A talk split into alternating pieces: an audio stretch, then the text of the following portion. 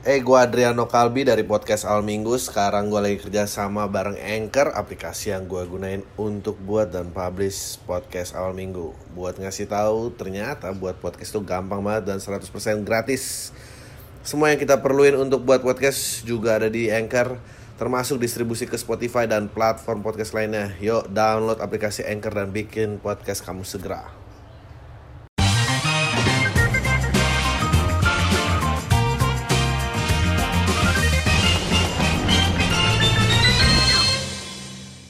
Halo semua lagi dengerin podcast awal minggu bareng gue Adriano Kalbi. Um, semoga kalian tuh baik-baik aja sekarang. Karena kalau nggak baik-baik aja sedih ya karena kan covid hampir hilang ya. Di ujung gini malah sakit kasihan banget. Itu namanya apes. Uh, kemarin-kemarin ke mana aja belum covid covid. um, ya bentar lagi semoga we'll see the end of it. Uh, gue nggak tahu sih ntar akhir tahun and then uh, menjelang puasa lebaran tahun depan kita berhasil memaintain ini nggak gitu.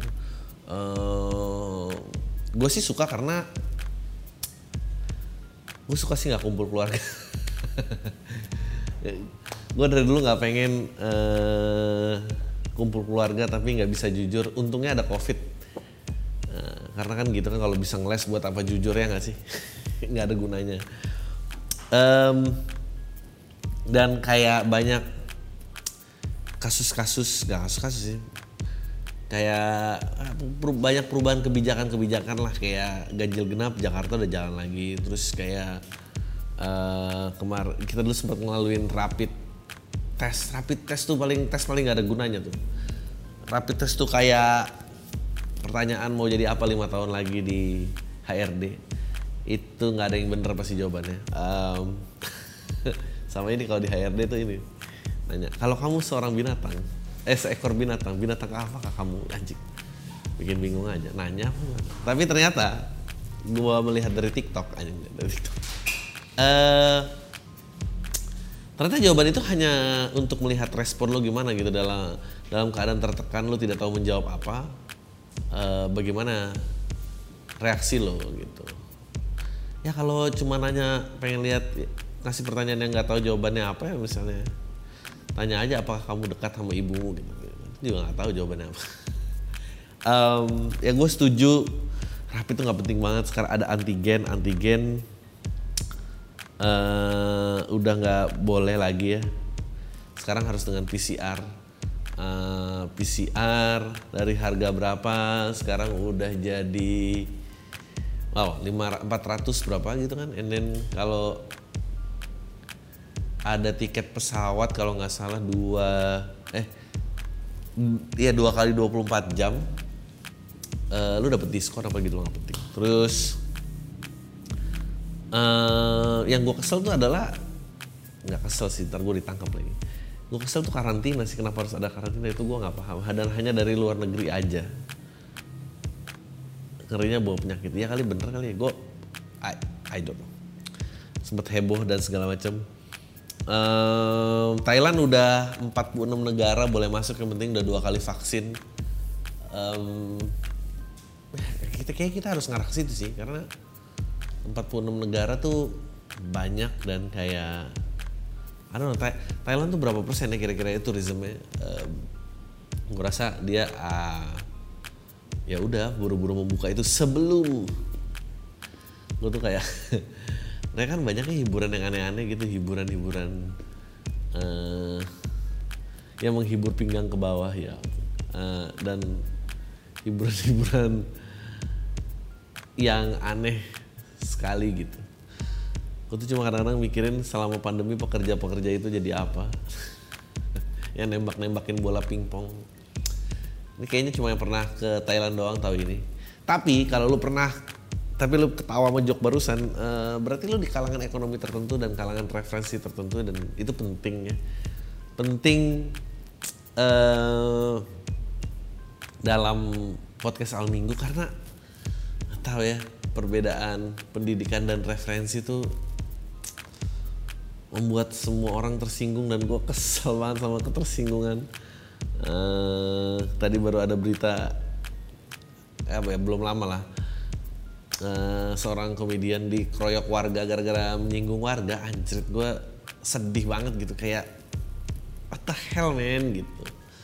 Mau mestinya ya ini hanya sekali lagi membuktikan bahwa memang sosial media tuh nggak penting. Sosial media hanya membuat dunia yang sudah kacau ini lebih kacau lagi. Uh,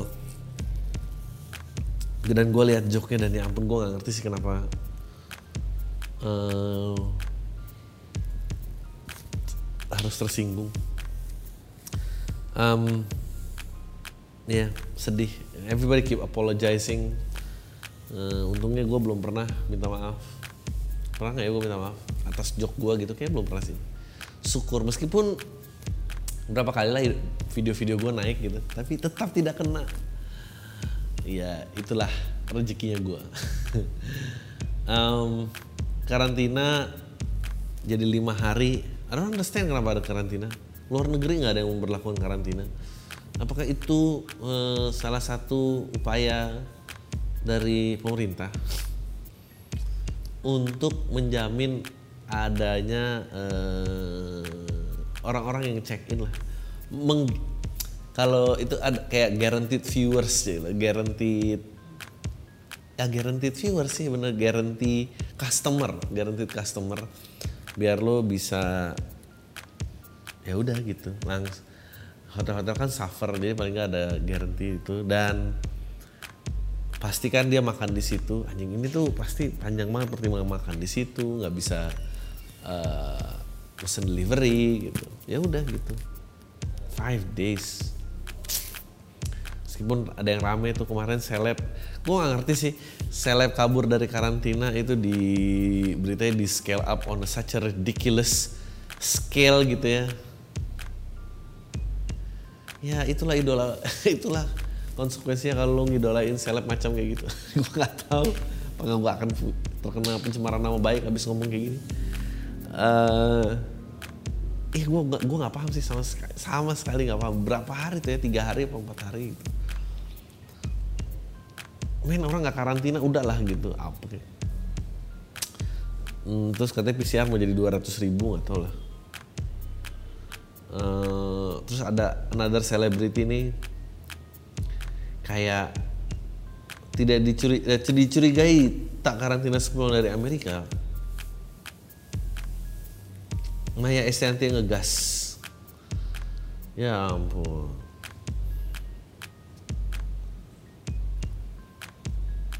Sudah karantina dong, kamu gimana sih yang mengaku tak kesepian anjir berita aneh banget. Ia mengaku tak kesepian saat di karantina karena ditemani sang suami. Aku kan berdua sama Dedi jadi nggak terlalu kesepian. Ungkap Maya Ed.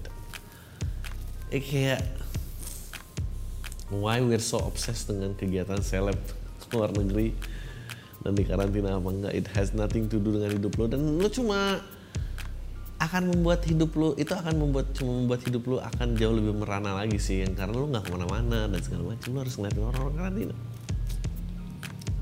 um, aturan wajib PCR picu salah baru. Tarifnya di Bali menggila sampai tuh 1,9 juta per sampel gokil semua lokasi tes PCR di Pulau Jata, Jawa, uh, Dewata overload. Oh gokil. Sebenarnya layanan tes PCR hasilnya bisa didapat dalam waktu 4 jam tekan tetapi harga selangit ekspres harga 1,9 H plus 2 baru bisa keluar hasilnya. Nah ini yang overload. Gokil, gokil, gokil, gokil. Ini ribet banget ya. Di satu sisi lo udah mulai traveling, and then tapi tempatnya nggak memadai untuk um, apa nggak memadai untuk menjaga demandnya gitu menjaga demand. Terus 1,9 juta untuk yang 4 jam biasa H plus 2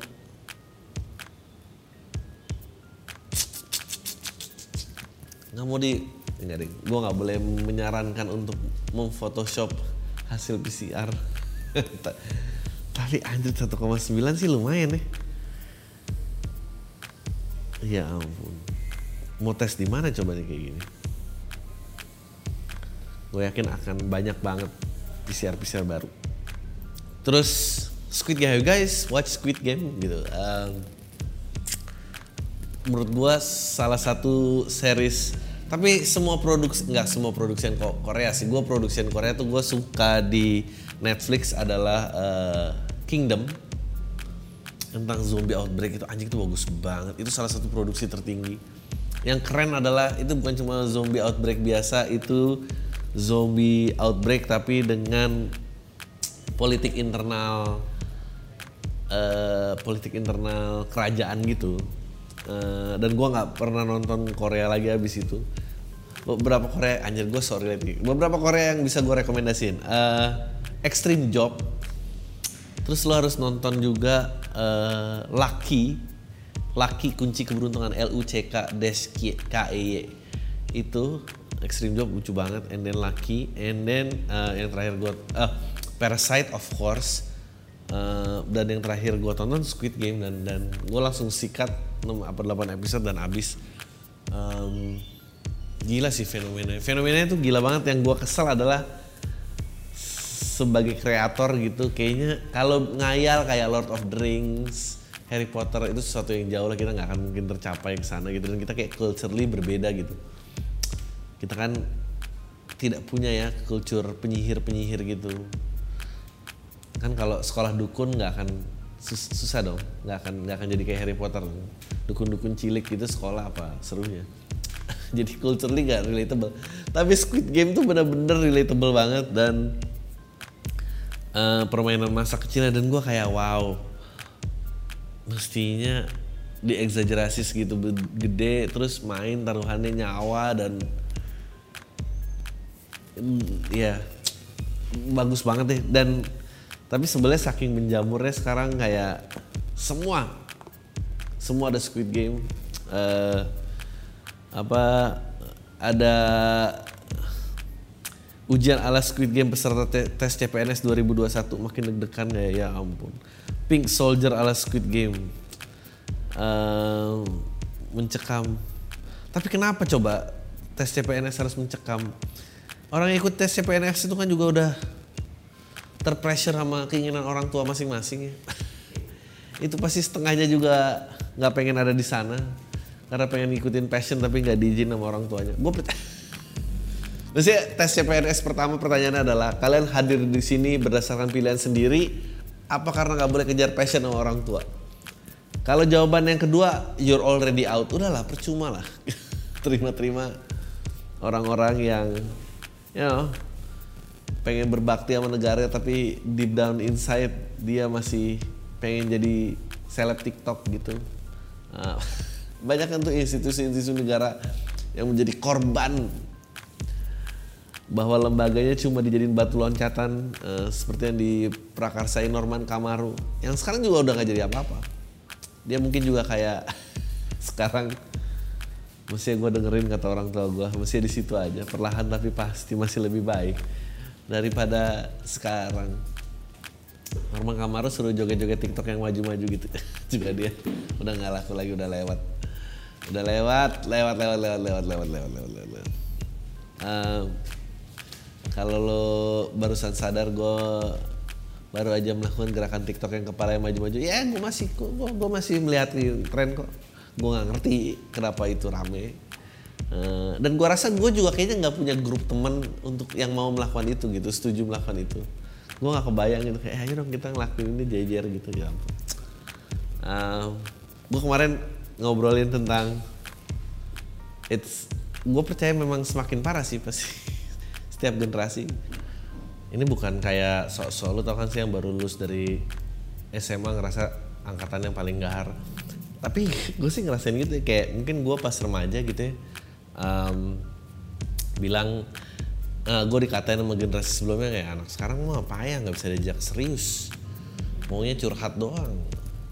Nah kalau gue ngeliat generasi sekarang anak sekarang mah payah curhatnya nggak bisa bisa goyang TikTok nggak ada yang mau gitu. Kayaknya emang udah berat ya ngobrol tuh berat. Kayaknya maunya joget-joget. Gue nggak kebayang sih punya group of friends. Kecuali I think salah satu konten TikTok yang gue enjoy tentang joget-joget itu adalah yang bapak-bapak komplek terus joget rame-rame. Meskipun gue nggak tahu gimana cara nyari membernya apakah ada satu orang di grup RT yang mulai kayak Pak Ramli Pak Ramli mau nggak ada ini TikTok gini-gini? HP masa berdua doang mah malu cari tiga lagi dong anjing sampah. Um, ya balik lagi ke Squid Game kayak menurut gua keren banget sih kayak yang be- bergerak atau mati bergerak ya bukan bergerak atau mati Indonesia nya apa itu? Bukan tak patung. Tak patung tuh kayak gitu nggak ya mainnya? Oh bukan. Kayak tak patung bukan kayak tak jongkok gitu ya? Gue nggak ngerti sih kenapa. Oh tap jongkok ya. Um, gue lagi berusaha mengingat. Tapi sayangnya kayak akhirnya Squid Game-nya nggak dimainin sih mestinya Squid Game-nya dimainin tuh baru. I think Korea sih jauh banget sih kayak dulu apa ya gue SMA ya ada serial-serial kayak eh, Taiwan ya waktu itu ya. Apa Cina nggak ngerti juga gue dan I don't mean to be racist gue bentar nggak tahu. Eh, Meteor Garden dan segala macam gitu-gitu. And I think that's the birth of East Asia. Well Jepang sebetulnya Jepang udah jauh unggul sih waktu itu. And then serial itu and then semua dibabat abis sama Korea gila. That's I think kalau gua itu SMA 99 I think 9 ya dari pertengahan 90 lah Asia Timur tuh mulai naik tapi waktu awal 9, pertengahan 90-an tuh Korea nggak ada sama sekali. Sekarang they're everywhere. Tapi balik lagi ke tersinggungannya even ada komedian waktu itu bagus banget sih Mark Norman dia bilang semua bisa ditarik dengan ketersinggungan. Ya Squid Game sih nggak banyak diversity ya gitu semuanya orang Korea. Anjing itu lucu banget bahwa bahkan yang tidak melihat menyinggung pun bisa menyinggung gitu. Kalau itu di Amerika kan kayak where is the white people and the black people and the segala macam. Um, ya itu. Terus eh, ppkm diperpanjang. Eh, anak-anak 12 tahun udah diboleh ke bioskop. Eh, kayak banyak banyak film yang menarik juga. Udah mulai menarik. But I don't know. Gue tuh nggak kebayang kayak kalau misalnya ntar harus tiarap lagi itu sih yang bikin capek. Ini udah kayak gini since 2000 2000 berapa? 2021 kan nih 2021 dari 2020 stop I don't know. Um, ya gue rasa itu aja. Kita langsung aja baca-baca email lah. Ini ada PPKM level 1 level 1 tuh apa sih? Kenapa masih ada PPKM level 1 sih? Kenapa nggak normal aja? Kartu vaksin PCR Hamin 2 oh. Ya ini Jawa Bali kan. Yang lainnya eh, oh antigen masih bisa. Supir yang belum divaksin. Dapat menggunakan antigen yang berlaku selama 14 hari untuk perjalanan domestik. I don't know why. Gue nggak paham konsep kalau udara itu harus PCR di mobil darat lo cuma antigen sih. Misalnya lo bawa aja udah patok aja PCR udah mempercayai semua tuh ada permainannya. Gue gak tau gue tuh kalau nuduh-nuduh gini bakal terkena gak sih sebetulnya? Ah, oke. Let's go. Semoga emailnya menghibur. Come on email. Kemarin lucu-lucu banget sih menurut gue email-emailnya. Punya teman fresh graduate hampir gila gara-gara pekerjaan pasti nggak gila dong. Pasti ini emang orang-orang penyandang mental health enggak deh. Pengusung mental health yang mengglorifikasi ya gitu gitulah gue mau sharing aja jadi gue punya teman yang baru lulus kuliah S1 dan lulusan jurusan ekonomi di kampus Malang. Anggaplah namanya si A. Nah sebelum si A lulus satu tahun yang lalu ada teman gue yang baru lulus kuliah S1 juga dan bekerja di salah satu perusahaan dengan gaji UMR anggaplah ngomongnya si B teman gue si A ini, ini orang ngapain sih lulus A dan B? Kayak ada yang mau tahu aja. Teman si A ngomong ke teman si B masa lulusan S1 cuma kerja gaji UMR lalu pulang dari nongkrong teman gue si B ini bilang ke gue tunggu aja si A lulus kuliah susah nyari kerja gimana?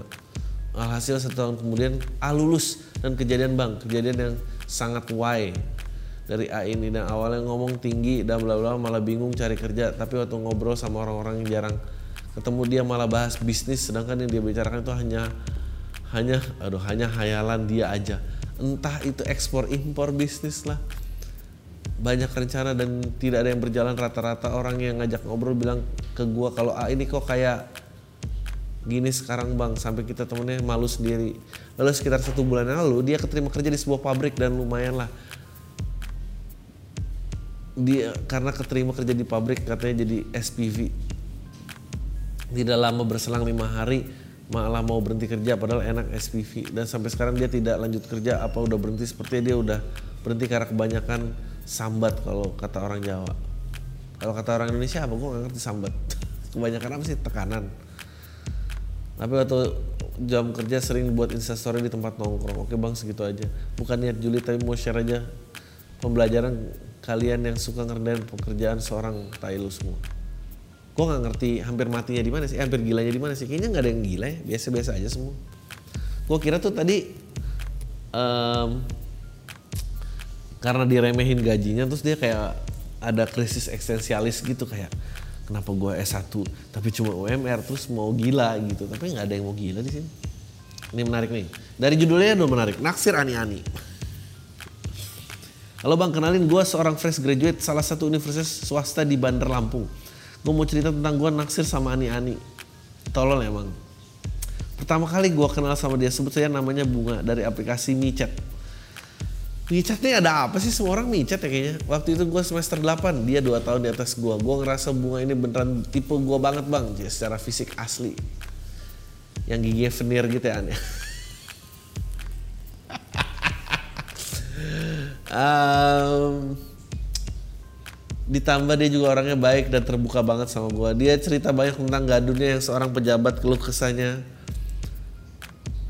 Sampai cerita kalau dia seorang pemakai dan masih banyak lagi. Oh. Jadi lu dapet sisaan aneh-aneh pejabat yang butuh tangisan gitu ya. Ya meskipun dibelai oleh seorang pejabat. Kasihan banget sih. Kalau kesah kerjaannya sampai cerita kalau dia seorang pemakai dan masih banyak lagi. Mungkin itu yang bikin gue ngerasa deket banget dan saling terbuka sampai gue anjing sampai-sampai repeat order dua kali dalam lima bulan terakhir. Ya ampun.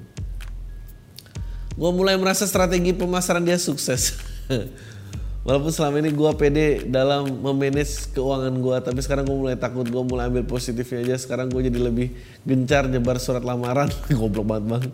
Please give me advice bang, apa yang bisa lu lihat dari kejadian ini? By the way di ML ada locker nggak bang? Gak mau gue menerima orang yang jadi pelanggan ani-ani. Aduh, itu pasti yang terima lo cuma asal jangan men gue tuh dulu punya teman yang naksir ani-ani sampai terlilit pinjol. Gaji tidak nguber dengan jatah kunjungannya, uh, dengan jumlah kunjungannya, lalu terlilit pinjol. Uh, kok nggak ngerti sih? Kayak kayak lu tau gak sih uh, sosial media tuh dunia di mana kayak semua terhubung tapi semua kesepian menurut gue insane gitu. Dulu mah orang kesepian ya karena nggak ada yang merhatiin nggak ada ini. Tapi sekarang semua terhubung semua kesepian tuh buat gue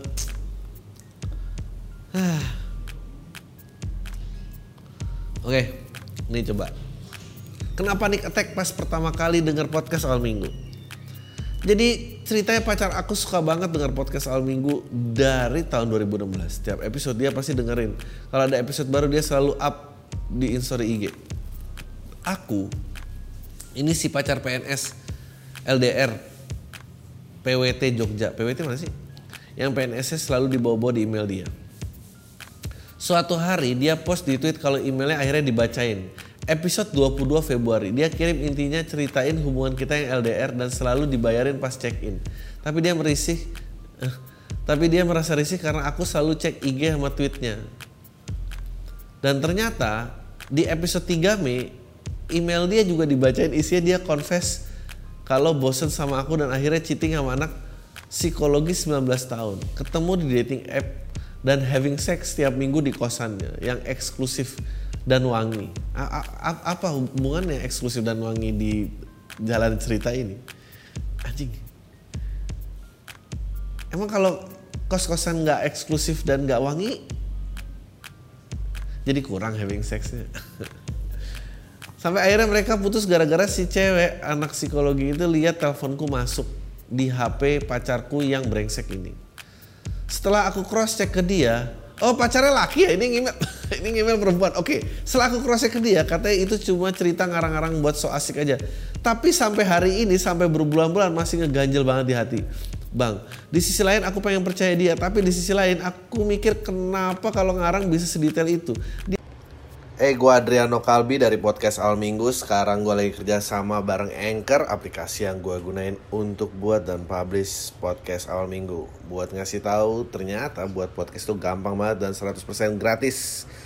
Semua yang kita perluin untuk buat podcast juga ada di Anchor, termasuk distribusi ke Spotify dan platform podcast lainnya. Yuk, download aplikasi Anchor dan bikin podcast kamu segera. dia sampai kepikiran nyertain gak bawa kondom. tapi gas aja having sexnya, ya ampun. Siap dengerin ulang rasanya sakit hati banget bang. Gimana menurut lo? Semoga emailnya dibaca dan dia bisa denger. Anjing, gue baru tahu di podcast awal minggu ternyata jadi ya gue mau bilang mestinya yang ya udahlah ini jadi ruangan laki lo aja jangan ada yang lain masuk kalau masuk lo jadi kecewa tapi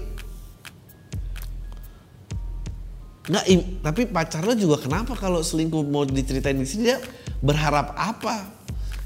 Berharap gue karirnya nggak nanjak-nanjak dan gak terkenal jadi ya ah nggak mungkin lah cewek gue tahu gitu. Gila lo. Lo nggak lihat? Sekarang gue makin banyak sponsor ya Eh, menurut gue tinggalin sih pacar lu menurut gue pacar gi- pacar lu gila dalam dua hal menurut gue eh anjing ada nggak ya yang relationshipnya lagi rusak gara-gara podcast soal minggu menurut gue dia gila dalam hal satu dia menyelingkuhi lo jelas itu kedua dia nggak pengen lo tahu tapi seluruh dunia tahu tapi lo bagaimana tahu itu dia kan gue nggak pernah nyebutin nama orang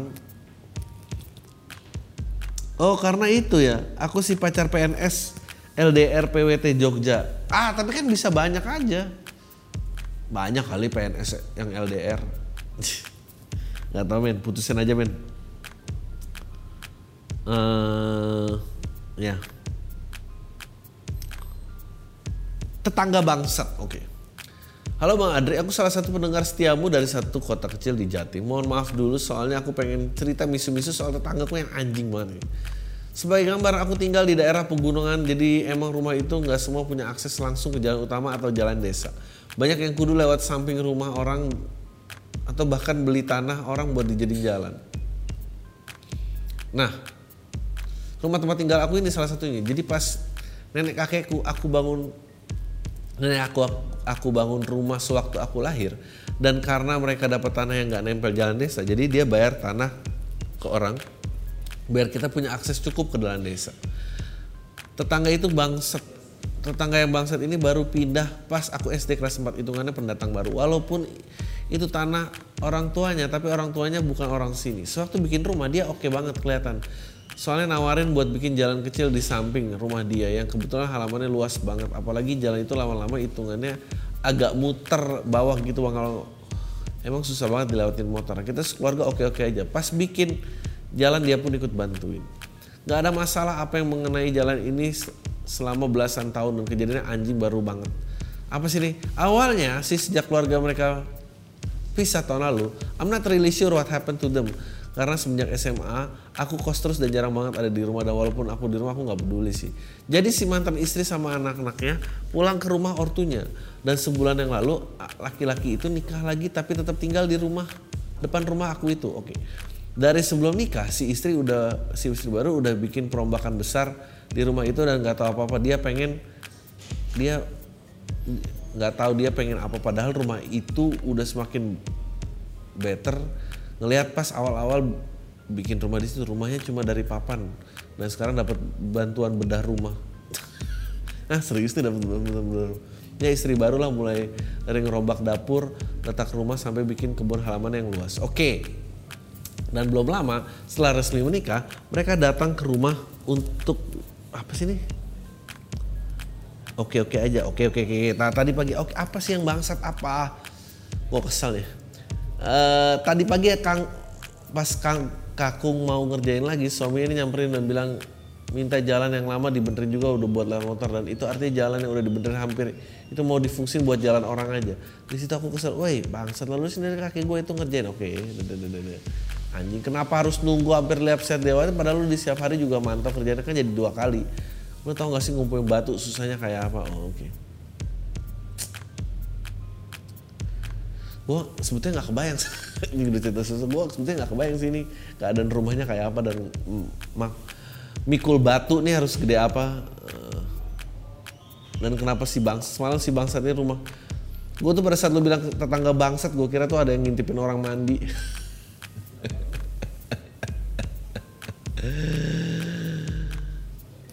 gue nggak bukan orang Jawa tapi gue dia swearing di sini Semalam si bangsa ini datang ke rumah kita pas baru seperempat jalan mengerjai jalan itu. Dia nanya apa belum jadi itu jalan.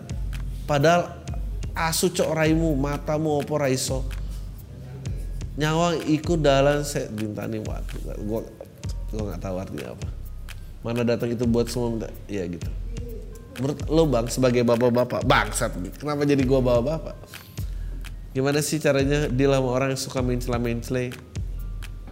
selain awal bikin perjanjian mutlak pakai notaris soalnya ini orang desa masih belum pak diajak bisa pakai cara itu dan nggak nutup kemungkinan bakal ada kejadian di serupa di kemudian hari thank you bang uh, gue nungguin banget bang Adri sama Emily bisa perform di Surabaya biar bisa punya kesempatan live nonton live uh, kalau lo di desa terpencil kan kalau orangnya dicekek kan dimunyin badannya nggak enggak Nyembunyiin dipotong-potong juga nggak ada yang nyari. Ah, gua nggak tahu. I'm I'm sorry gue nggak bisa membantu. Eh, semoga kakek dan nenek lo baik-baik aja nggak harus ngangkut-ngangkut batu dan ya ya itu aja. Um, gue nggak paham pertikaian tapi gue bayang sih kayak gentleman agreement tuh nggak bisa dipegang gitu kan yang ada sih dia ngomelin aja itu oke Influencer gejala dini waham anjing lucu banget. Betul. Gue percaya ini juga. Halo bang, semoga dalam keadaan sehat selalu. Punten bang, gue langsung ayo aja. Menurut bang Adri, influencer itu semi waham gak sih? Gak waham grandiosity, percaya bahwa dirinya adalah orang penting dan berpengaruh. Soalnya fenomenanya gitu terus. Kebanyakan dari diri kita ngerasa bisa merubah sesuatu. Contohnya oversharing kehidupannya dan keyakinan bisa memotivasi orang yang lihat. Yakin banget gaya hidupnya itu adalah sebuah goals. memang, memang, memang. uh, ada kayak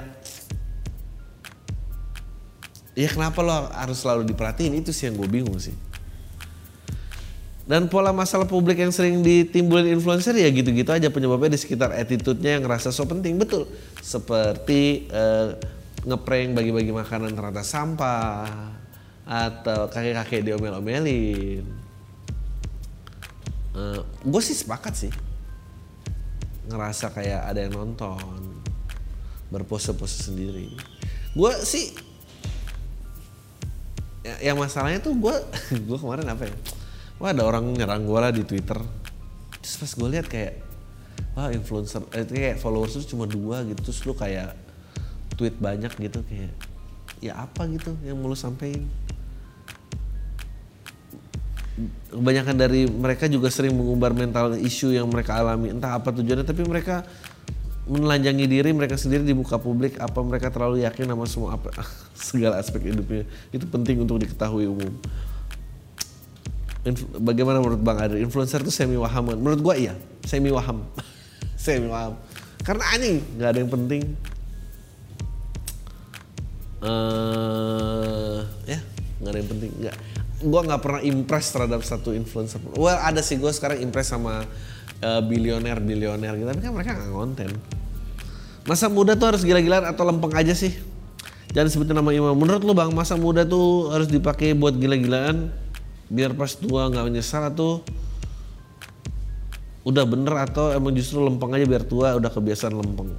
Gue dalam hati pengen ngedeketin banyak cewek ngewe sana sini. Jela kalau dibaca dari kalimatnya berarti tidak ada cewek yang dideketin dan tidak ngewe sana sini. dia cuma rencana-rencana di kepalanya dia aja. Yang suka juga gue rasa nggak ada. cuma gue takut gue masuk ke dunia kayak gitu nanti gue ketagihan dan gak bisa keluar nanti pas tua gaya aja. Kayak dikerubutin 10 perempuan aja. Padahal gue pengen pas tua nanti punya keluarga stabil dan harmonis. Ya nggak sekarang lo banyak yang ngejar nggak? Kalau nggak ada ini buat apa ini jadi pertanyaan men? Nggak kayak keluarga-keluarga liberal yang dibiarin aja anaknya nginep di rumah pacar. Jadi biar bisa gue cabut dari itu. Mending mana bang? By dua umur gue dua dua bangsat. Dua dua tuh 15 tahun lo ceritanya sama gue. Nggak ada yang penting kan. Oke. Eh, gagal ML dan kehilangan pacar karena ML. Oke. Hai Bang Adri, gua anak PAM angkatan lama. Eh, udah lama gak dengerin PAM karena kesibukan akhirnya seguting karena lu udah bilang kalau hidup lu nggak berkembang pasti udah di sini. Gue balik lagi dengerin bang karena lagi kusut soal percintaan. Gue mau cerita sedikit soal kehidupan percintaan gue dua tahun belakangan ini. Gue baru putus sekitar dua bulan lalu pacaran udah dua tahun lebih. Dulu waktu gue dikenalin sama mantan gue yang terakhir ini sebenarnya gue lagi deket sama crush gue waktu SMA. Yang waktu baru pulang kuliah di UK. Dan beberapa bulan gue coba maintain untuk deket dengan dua orang ini. Gue berkesimpulan bahwa crush SMA gue itu pinter, asik diajak ngobrol. Tapi gampang banget untuk kenal sama orang baru dan dan fisiknya biasanya. Kalau mantan gue itu rada kurang nyambung kalau diajak ngobrol tapi anjing banget. Tapi gak gampang deket sama cowok-cowok dan fisiknya gue banget lah pokoknya anjing. Oke, jadi satu itu gampang ngobrol, fisiknya biasa aja. Yang kedua nggak nyambung, tapi fisiknya lu banget anjing nggak gampang dideketin oke okay. nggak gampang deket sama cowok oke okay. jujur bang gue bingung waktu itu milih yang mana bang sampai akhirnya gue cerita ke temen gue untuk carain anjing gue cerita ke temen gue dia saran untuk pilih calon istri itu yang nggak malu-maluin yang kalau diajak ke kondangan dan gak nakutin kalau lo ditinggal tinggal anjing akhirnya lo milih mantan lo yang ketimbang keras itu. Yang gak nyambung itu kan.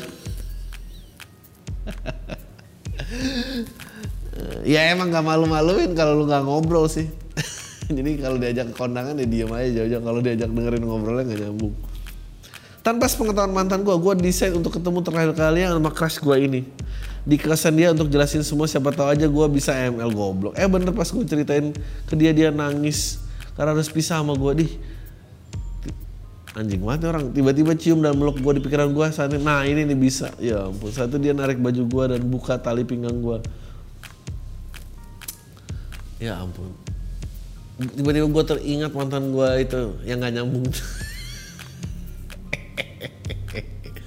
Tiba-tiba gue teringat mantan gue bang merasa bersalah.